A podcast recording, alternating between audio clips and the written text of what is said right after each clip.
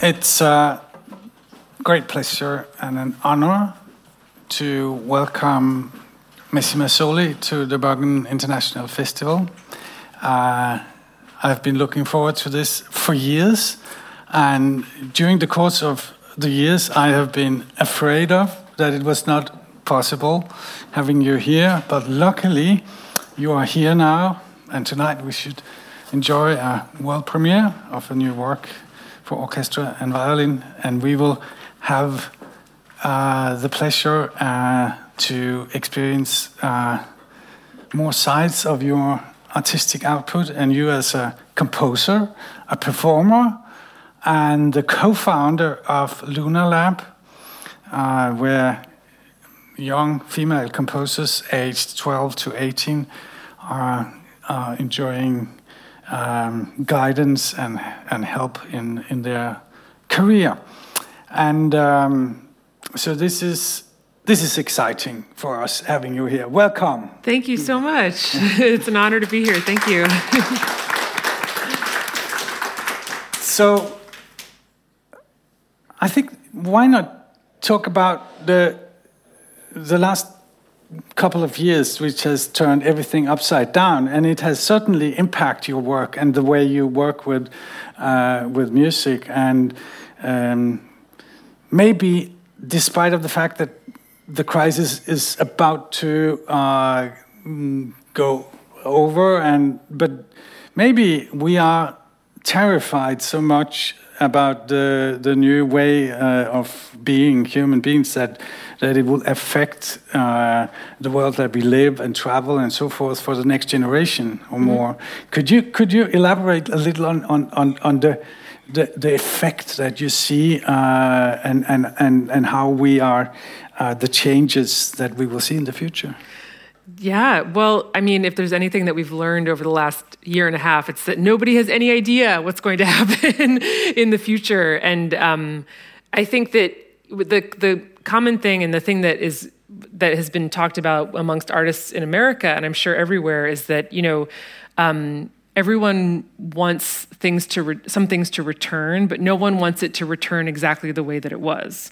And i think this is a great opportunity to reevaluate what we're doing and how we work and how much time we take to do things um, you know from a small scale to a, to a large scale. And you, who has access to certain things in education and um, so I'm actually excited about what's to come. And, and I think that this moment of pause, um, you know, speaking as an American and what I see happening in America is actually very exciting. And it, it will come back in a, in a different way, in a new way.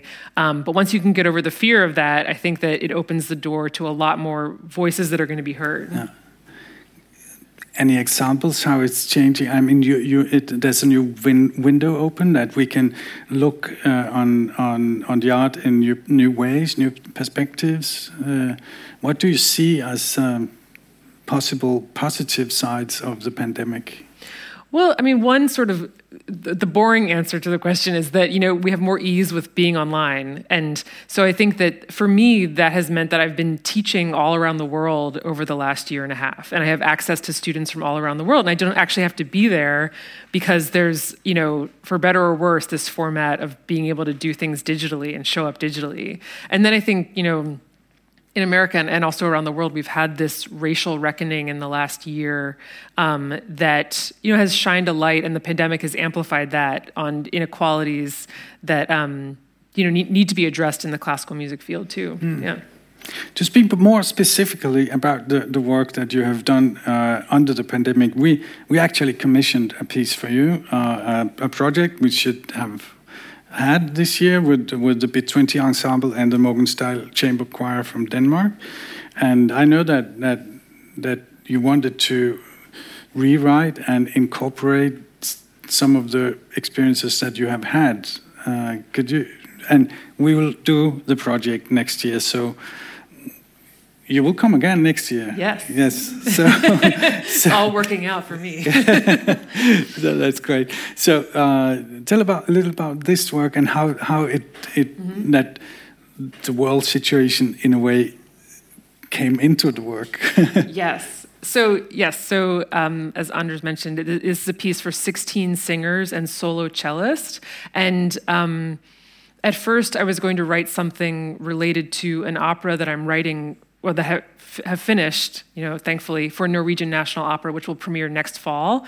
Um, I'm just advertising everything that's going to happen in the next year, so you can put it on your calendar. Yeah. But um, when the pandemic hit, I really thought I, I, I need to write something that in some way addresses what we've all been through as as humanity you know, everyone no one in the world escaped this. And i know that that sounds awful. I know the last thing people want to hear is a choir piece about the pandemic. I know that that sounds bad. Mm. um, but you know i was i was moved to do something with it. So I, I, had my friend who's a writer a really brilliant english writer named laura lomas who hopefully can come next year as well. Um, she really wanted to be here. Um, i had her write little bits of text that analyze five different human relationships during the pandemic. Um, so the first one is, um, you know, it's called dark. The first movement is called darkness, and members of the choir are turning around and turning their backs to the audience at, at specific times. Um, number two is called blame, and when the the choir sings at each other. Um, and uh, number three is alone. We all know what that refers to. So the choir is spaced out. Uh, number four is a rescue, and so the choir is surrounding a soloist. And number five, which I think we're in now, is rebirth, you know, where the choir sort of turns around and faces the audience. So this to me was um, an abstract, hopefully interesting way to um, get at some of the things that we've all been feeling. Um, and the piece is called Year of Our Burning. Um, and I think that it will still be very powerful next year. I don't think that we will have forgotten that this this feeling that we have now, especially in this, this moment of, of opening up. Right. You used the word dark uh, in the, your description, and dark and light, dark and bright is also um, part of the, the work title in the work that we will uh, enjoy tonight. Mm -hmm. Dark with excessive bright, uh, with a, a quotation from a big big thing, uh, Milton uh, Paradise Lost, mm -hmm. and which is basically about the fall of man, or um, and uh, God and Satan and uh, Adam and Eve. So, so how does this strong uh, poems influence the work? The, the soloist and the, the orchestra. Could you give a mm -hmm. key into to your thoughts about this? Yeah, so um, yeah, so the, the, title is "Dark with Excessive Bright," and I, as I was writing this concerto, which actually it started as a double bass concerto, so solo double bass and strings, and um, as I was writing it, it um, I came across this phrase from Milton um, where he's describing the robes of God, and he says they were they're dark with excessive bright, and this was just so striking, especially thinking that you know Milton was blind, and um, so the idea of a blind man describing this this unseeable thing in this totally contradictory way. I mean, you can't really have dark with excessive bright, yet that conjures an image for people. And to me, it conjured this sound of the double bass. And then um, the amazing soloist, uh, Peter Herresthal, suggested, he said, Oh, do you think this could work as a violin concerto? And at first I was like, This is insane because I mean, the opposite instrument of the bass is the violin, sort of in the string family. Um, but I worked with him to create this violin concerto version that is premiering tonight and essentially turn the orchestra upside down. So a lot of the melodies that were originally on the bottom are on the top and vice versa.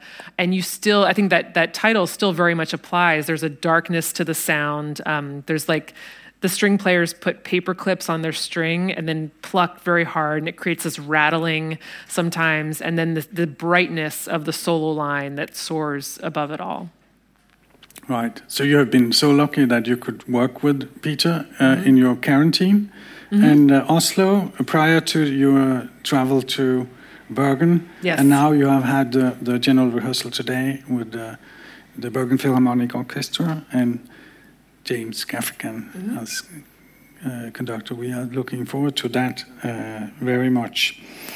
Um, you are also a performer, uh, and you will also by the way, perform a piece tonight. Mm-hmm. Uh, um, so you are um, performing composer or a composing performer I guess that it's the first. yes, performing composer. Yeah. Because yeah, I do. I mean, I'm I'm more of a composer, and and performing is very important to me. I, I think it's important to stand up in front of people and say I'm alive, and I write music and I play music, and um, I think there's an openness when people see you playing your own music that it, it's a it's a paradigm that everyone understands. You know, if you go to see a band, they're playing music that, that they wrote, and I feel very connected to that tradition. But I'm definitely I don't play other people's music. I'm not going to play Beethoven. There's always going to be someone who's better at that than I am. Yeah. Mm. Um, but I, I, love playing my own works. Right. Yeah. So if you look at other composers like Stockhausen, Philip Glass, Steve Reich, the Bang on a Can uh, composers, they formed their own ensembles. Mm -hmm. For some of them, because nobody, no one would like to to to perform their works, so they created their own ensembles. And uh, and uh, are you a part of that tradition? I mean, yes. Yeah?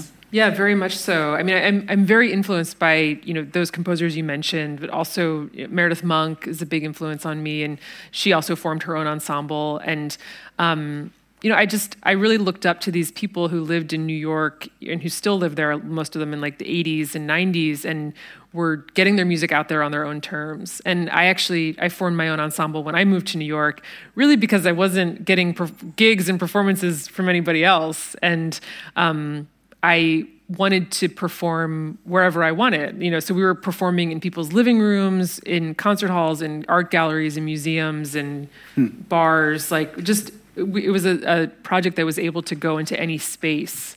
Um, so it's been very useful. But yeah, th- this idea of um, having something that where you're not waiting for someone to offer you an opportunity, but you're out there yourself. And you, yeah, yeah, you can just yeah. fit it into the space there. Hmm. You talked about Meredith, Monk, um, and uh, when I hear your music, it's very modern, but it's not exclusively in the tradition of, of the American composers. It's also very European in a way. Mm -hmm. So, Thank you. Uh, uh, you know, when I talk, have conversations with composers, say minimalism, they all hate the mm -hmm. word because uh, they consider not themselves as minimalist, but because they're so many other sources of inspiration. Mm-hmm. And in your case, I mean, it's also Messiaen and Louis Andriessen and mm-hmm. uh, Beethoven, you have told me. Mm-hmm.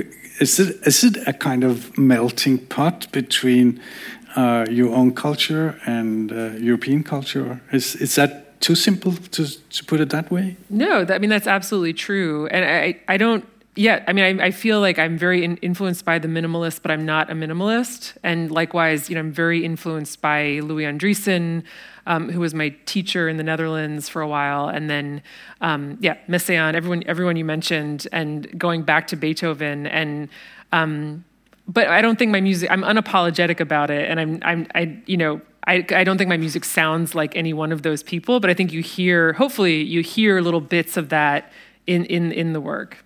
Right. Yes.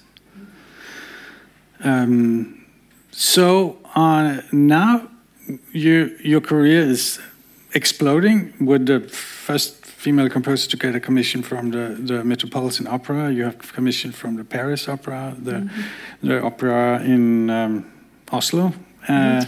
So um, and despite the fact that you are very busy with your own work, you still work with uh, with the Luna Lab that you uh, established with Ellen Reid, mm -hmm. uh, and is that to to contribute to create this gender balance that we seek for? Or could you talk about this work that is so important, apparently? Sure. Yeah. yeah. So. Um, yeah, so six years ago, I founded this organization called Luna Composition Lab with an, a fellow composer, Ellen Reid, um, and we um, it was really a response to this lack of gender balance, especially, particularly in America. And at that point, six years ago, you know, a bunch of orchestras had just come out with their seasons, and they had no women on them. So it was like Chicago Symphony, New York Philharmonic, Philadelphia Orchestra. I mean, orchestras that I love and grew up listening to, and and you know, go to all the time, had full seasons with no,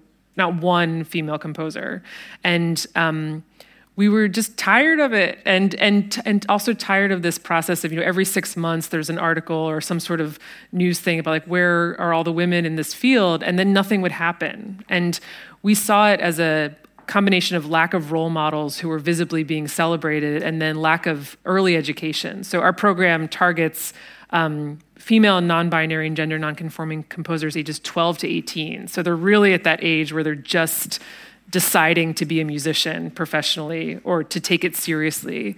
Um, and I think that that's when, I mean, I decided to be a composer when I was like 10, which is early, but not so early. I mean, and you, you decide to go into this field very young usually. And so we tried to capture them at that age because um, we found that something was discouraging young women from entering the field very, very young. Um, so, you know, on, on Saturday, we, this is our first international concert. This is our first concert out of America, and um, the Bit 20 Ensemble is playing three works that we commissioned from these very young women in America, um, and they're so excited. I was like, "You're going to be played in Norway," and they're like, ah.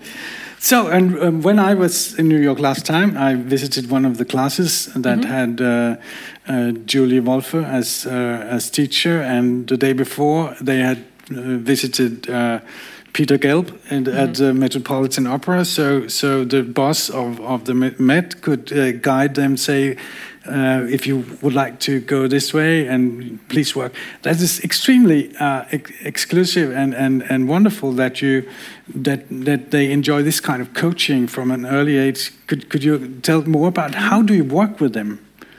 Yeah, so um, yeah, so each uh, it's a competitive program, so they apply to get in, and then each this year we're up to six students, so we get you know 60, 70 applications for six spots, um, and then each each student is paired with a mentor who uh, is a female mentor, and then they have lessons every couple weeks online. Um, these students are from all around America. And then the big event is that that you were a part of is that they come to America, they come to New York, come to America, come to New York from wherever they are in America, and they have we have a week long festival where they hear their works. We have they their works are performed and recorded, and then we just take them around to all the cultural institutions in New York. So they are backstage at the Met. We go to see a concert at the New York Philharmonic. I mean, in normal times, not the last couple years, which has all been online, but. Um, you know, we take that we have workshops with people um, you know great performers who are playing their excerpts and talking to them. And so the idea is that they feel like they're in the club you know and, classical music can be such an exclusive daunting terrifying thing to enter into when you don't feel like you're part of it or you don't feel like you look like a composer or someone who's supposed to be there. And um, so we just want to make them feel like they're they're in it like they're they're in the club. So when they walk by the met they can say like oh i know what that's like backstage. Like i've been there. Yeah. So uh, and when after the, the, the age of 18 then they enter a conservatoire or or mm-hmm and and and and some of them have done or yes yes a lot i mean it's kind of beyond our wildest dreams and that a lot of them are entering the best conservatories in america you know going to curtis going to juilliard going to columbia rice university. I mean they're so we're seeing the results you know that even just having one great performance and like a year of mentorship can change your life at that right. age. So, so, so you have six six students per year, and then you have six news, or is it a, a kind of, of circulating? Uh, some are, are, with you for a longer period, or are you are, are you having six plus six plus six, or how do you um, do Every that? year it's new. Yep. Every year it's six new um, mm. young people, and. Um, but we're in touch with them. I mean, the idea is that like we're creating. I feel like we're creating a small army of these these very young female composers who feel really powerful and empowered and um, and they call me all the time like oh should i i'm wondering what should i do this summer? Who should i talk to about this flute thing? Or you know so it's, there's a a network of support. And they they create a network internally and create maybe oh, yeah. ensembles or and play together. Is it also performing composers or they they have an instrument themselves or some of them do, yeah. yeah. And we have concerts where they play some like smaller concerts where they play their own music. Yeah. Um, and um, yeah, and they have like text threads. It's just the, just them, and I just I love it because I I went growing up. I was the only. I didn't meet another female composer until I was in college, and so if I had been a teenager and had the opportunity to have peers and uh, to know even just one other female composer who, who looked like me and who was going through the same things, it would have been life changing. Mm. So Ellen and I both felt we didn't want them to have to wait until they were 25 to meet uh, someone who was they felt was like them. Yeah. So you have been a source of inspiration for for for many others, uh, also outside your own country, and apparently now you are uh, in Norway, uh, and and hopefully you can. Uh, I think it's great that you you inspire young people to uh, to to do this. Uh, that's you. very good. Mm. So. Um, back to the the, the, the, the opera. I'm very curious about these commissions, and uh, also I think Paris. That is um, the Lars von Trier. Uh, yes. Uh. Inspired uh, film, Breaking the Waves. Mm-hmm. How do you transform um, film to an opera? Could, could you talk about the create, creative process from taking another artist's um, domain mm-hmm. and transfer it to opera? Yes. Yes. So uh, my second opera was an adaptation of the Lars von Trier film Breaking the Waves, um, and it I. Um, I'm lucky that my my best friend is my librettist. Um, his name is Royce Vavrek, and he um, we started that adaptation by just we watched the film together like three times, and then we, he took notes, and then wrote a draft of a libretto, was looking at the screenplay, and then at some point you just have to leave the film alone because opera is so idiosyncratic. It's so very much its own thing. And we wanted to take the opera in a place where the, that the film couldn't go. So um, I don't know if anyone's seen this this film. It's very dark and controversial, and it. Um, but we felt that you know there's no and there's no score in the film. I think that's a very important thing. So there's no underscoring. There's there's music. There's tracks that happen, but. Um, they're all like rock band tracks and there's nothing that's telling you how to feel in the way that like a lush movie score kind of tells you how to feel sometimes so we felt that there was space to create our own version of this story um, that was music driven. So the, the opera is, some, is, something very different from the film. But yeah, the process was just watching it over and over and saying like, oh, let's let's keep that, let's cut that. You know. What was it in the film that that gave you the the thought of I must make this into opera? What was it that really trigged you, or? Um, well, so it was i have to give credit where credit's due. It was royce's idea at first and he said i think we should do an opera out of breaking the waves. And i said absolutely not. Like that is terrible. Like it's it's so dark. It's such a heavy film. Um, and i really loved the film and still do. It's one of my favorite films. Um, and i didn't think we could add to it but it was an idea that just like wouldn't leave me alone. And I, I kept thinking about it and i kept picturing it and imagining it. And i thought let's just do it. Like it's a big risk but let's do it. And and I think, you know, for me opera is a place for big ideas, you know, so opera is a place where you have the scale and the time and the the resources to address big things, you know, ideas about love and death and betrayal and all these dramas. And so and this movie is essentially about what it means to be a good person and, and the nature of loyalty and the nature of faith. Um, and particularly for a young woman. So uh, once I started thinking about the main themes of this film, I thought, you know, that is something I could live with for a long time because I have to live with these stories alone for like years as I'm writing the music, and it has to stay interesting to me first. Um, otherwise, it's definitely not going to be interesting to anybody else. Um, so this it had, it had, such a rich subject matter, um, even though it's dark, that I felt I could I could it could sustain the process. Right. So so now we have to go to Paris. And when is it in Paris? Yes. Um, uh, next fall. Next um, October, September, October of 2022. Everybody and come. To be great. Super.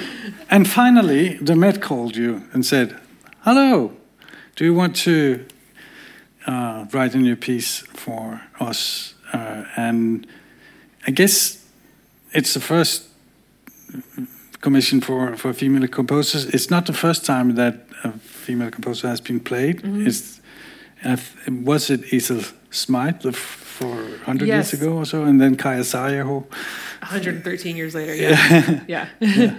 yeah. So yeah, so it's it's a small but mighty group of of women who have, are working at the Met now. yeah. So Ethel Smyth in 1903, the, they played an opera of hers, and then didn't play another opera by a woman until 2015 with Kaija Saariaho, and then um, had never, uh, and then commissioned me in, in 2018. So it's but now they're commissioning more, more women. More, yeah, yeah, So Jeanine Tesori, Valerie Coleman, Jessie Montgomery. These are um, you know American composers who are great and doing really well. So now there are five of us. So, so yeah, uh, it's embarrassing. Uh, the fact is, is, is we are living in a modern world, and it's, this is uh, a sad fact, but we see changes. Mm -hmm. And um, so, what, what was the recent contact I mean, asking you, what was? Did they have a subject? Did they want to? No, this was something. So after breaking the waves um, happened, they, reached their conductor Yannick Nézet-Séguin mentioned that he wanted to work with me, and so I think that that's how how it all happened. Um, and but they didn't have a subject, and so I I sort of blurted out. Um, the last book that I'd read. and so it said, "What about that?" um, and which was Lincoln in the Bardo, this book by George Saunders, um, which is a sort of strange fantasy about that centers sort of on Abraham Lincoln, but really about these these ghosts who live in this graveyard and refuse to admit that they're dead. So again, like this is a, a story about big ideas about life and death and our refusal to accept death and um, you know these ghosts coming together to help each other. Um, and or sometimes like get in each other's way. And it's very funny but also dark. And I, I, think I'm always looking for stories that have a little bit of everything. And so I just kind of blurted that out, and they ended up liking it. So that's that's what we're doing. Right. So the cast, the soloist, choir, not choir. Uh, yeah. So it's a massive thing. So it's yeah, lots like um, you know, uh, seven principal singers, full choir, orchestra. Big thing. Big thing. Yeah.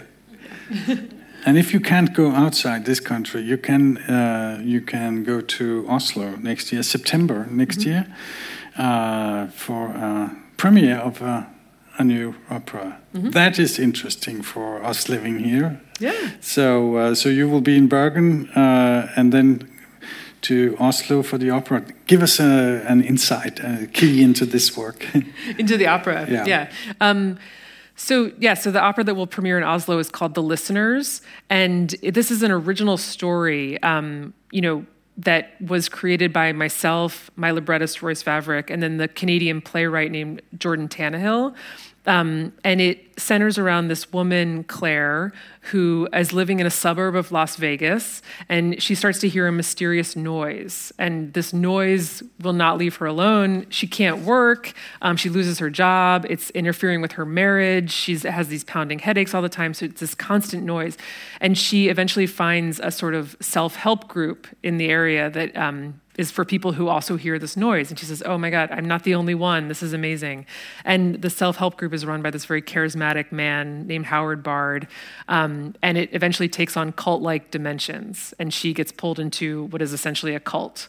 Um, and Howard's influence grows and grows, and he starts to sort of manipulate the people in this, in this group. So, um, this, you know, came out of, and I'm not going to give away the ending, but it, there's a shocking twist in the in the final five minutes. Um, and so this this you know really I, am in, really interested in stories about women in impossible situations who have to do something very out of character or very extreme to get themselves out. Um, and so Claire is finds herself enmeshed in this manipulative cult and has to sort of in, in, does this very extreme thing to get herself out. Um, and I'm also interested, you know, after um, recent political situation in America, which thankfully is no more, is, you know, interested in the role of charismatic leaders and to sway large populations of people, um, and wanted to do something that, again, referenced that without being an opera about our last president, which no one wants to hear. mm-hmm. Did you write for a certain soloist in mind, or did you make a cast with uh, afterwards, or had you a, a, specific voice or person in your mind writing? Yes, yeah? yes. So um, this this lead woman Claire is played by the amazing American uh, soprano Nicole Heaston, who will be singing it in Oslo, which I'm very very happy about um, because I, I, wrote it for her voice, for her presence, you know, and it was just I think it's exciting. Hopefully for the audience to see the person who I was imagining as I was writing, you know, singing the actual role. Yeah. I, I'd like to talk about the the works that you do with electronics and mm-hmm. and violin tonight, and the the way that you work with the electronic media. Mm-hmm. Could you give us some words on that? Sure. Yeah. So um, Peter, the soloist for the concerto tonight, will we'll also be doing a duet together um, called Vespers for Violin, which is a piece that I wrote a few years ago um, for electronic soundscape um, and and solo violin. So, um, yeah, so I, I, do a lot with electronics, and um, I'm, I'm the piece I'm playing tomorrow is for piano and electronics, and so I will be on stage, sort of manipulating levels and effects, and bringing in certain. Um, effects on his sound and on the sound from the speakers. Um, so yeah, and, and the, the piece is a reference to the, the Vespers sunset prayer service, um, and it's about five minutes long. I don't know what else to say about it. no, you are not religious, so but you still uh, referred to to the mm-hmm. to the service uh, or to the to the atmosphere or yes yes yeah. so the it, you know there's a long musical history of of making music for the vespers mm. service you know monteverdi rachmaninoff lots of people and um, so i was sort of subtly referencing those works and also wanting to create a sort of ritual um, that evoked the sunset you know, without using religious text. So there are voices that I've sampled, um, you know, no live singers, but the, the voices will be coming out of the speakers. And um, so uh, there's a sort of, yeah, referencing all of, all of those things. The other piece that is uh, with a title from Sam Pink. Yes. and that's a special character to, to use. Maybe you should explain a little about the, the, the, the idea behind the other work with mm-hmm. with the text by this very special Oh, did artist. you? Yes. Did you Google him? yes, yes. I did. um, yes. So I, the, the, Sam Pink is an American writer, um, currently based uh, in Michigan right now, and is such a character. And he he is someone who's um, he's a writer and a painter, a poet. He, he, kind of does everything, and he's sort of um, if you know the American writer Bukowski, he's sort of like a modern day Charles Bukowski, but without all the bad things about Bukowski. So without the sort of spousal abuse and alcohol abuse, to my knowledge. And um, I just I fell in love with his work. And he there's a, a, line in his in one of his stories, you know, where he's I think he's like about to go out, and he says, "The night ahead and no real fate." And um, he also has a painting which I actually own that has that phrase on it, and I just I love it. And I so I wrote to him and asked if I could use it as a title, and he's like, "Sure, do whatever you want." Oh, yeah. so I'm here. I, I, like travel around the world talking about this writer, um, and because I think he's amazing. Yes, but uh, with kind of connection to the music, I mean, it's it's. I would just in love with the title, or, uh, or it has some some uh, attachment to the to the music you know it just was it just evoked a mood you know like that yeah. phrase the, the, night ahead and no real fate. I mean it, it, it's this feeling that anything can happen. And and this piece tomorrow that i'm playing it's it's made to to be very evocative, very emotional, and it's made to so the audience feels like they're inside the piano. So I'll be playing, and like eventually sounds start to come out of the speakers that make you hopefully feel like you're right there sitting inside the piano. And so it just I wanted something that surrounded people, and and that phrase just seemed to capture it. Yeah. So uh, you guys and those who are following us, you can go on our website fib.no and look for for the concerts, and some of them are streamed, so you can uh, be with us um, and uh, follow your work here in beautiful Bergen. Thank you for coming. Thank you so Yeah. much. Good luck tonight. Thank you. Thank you.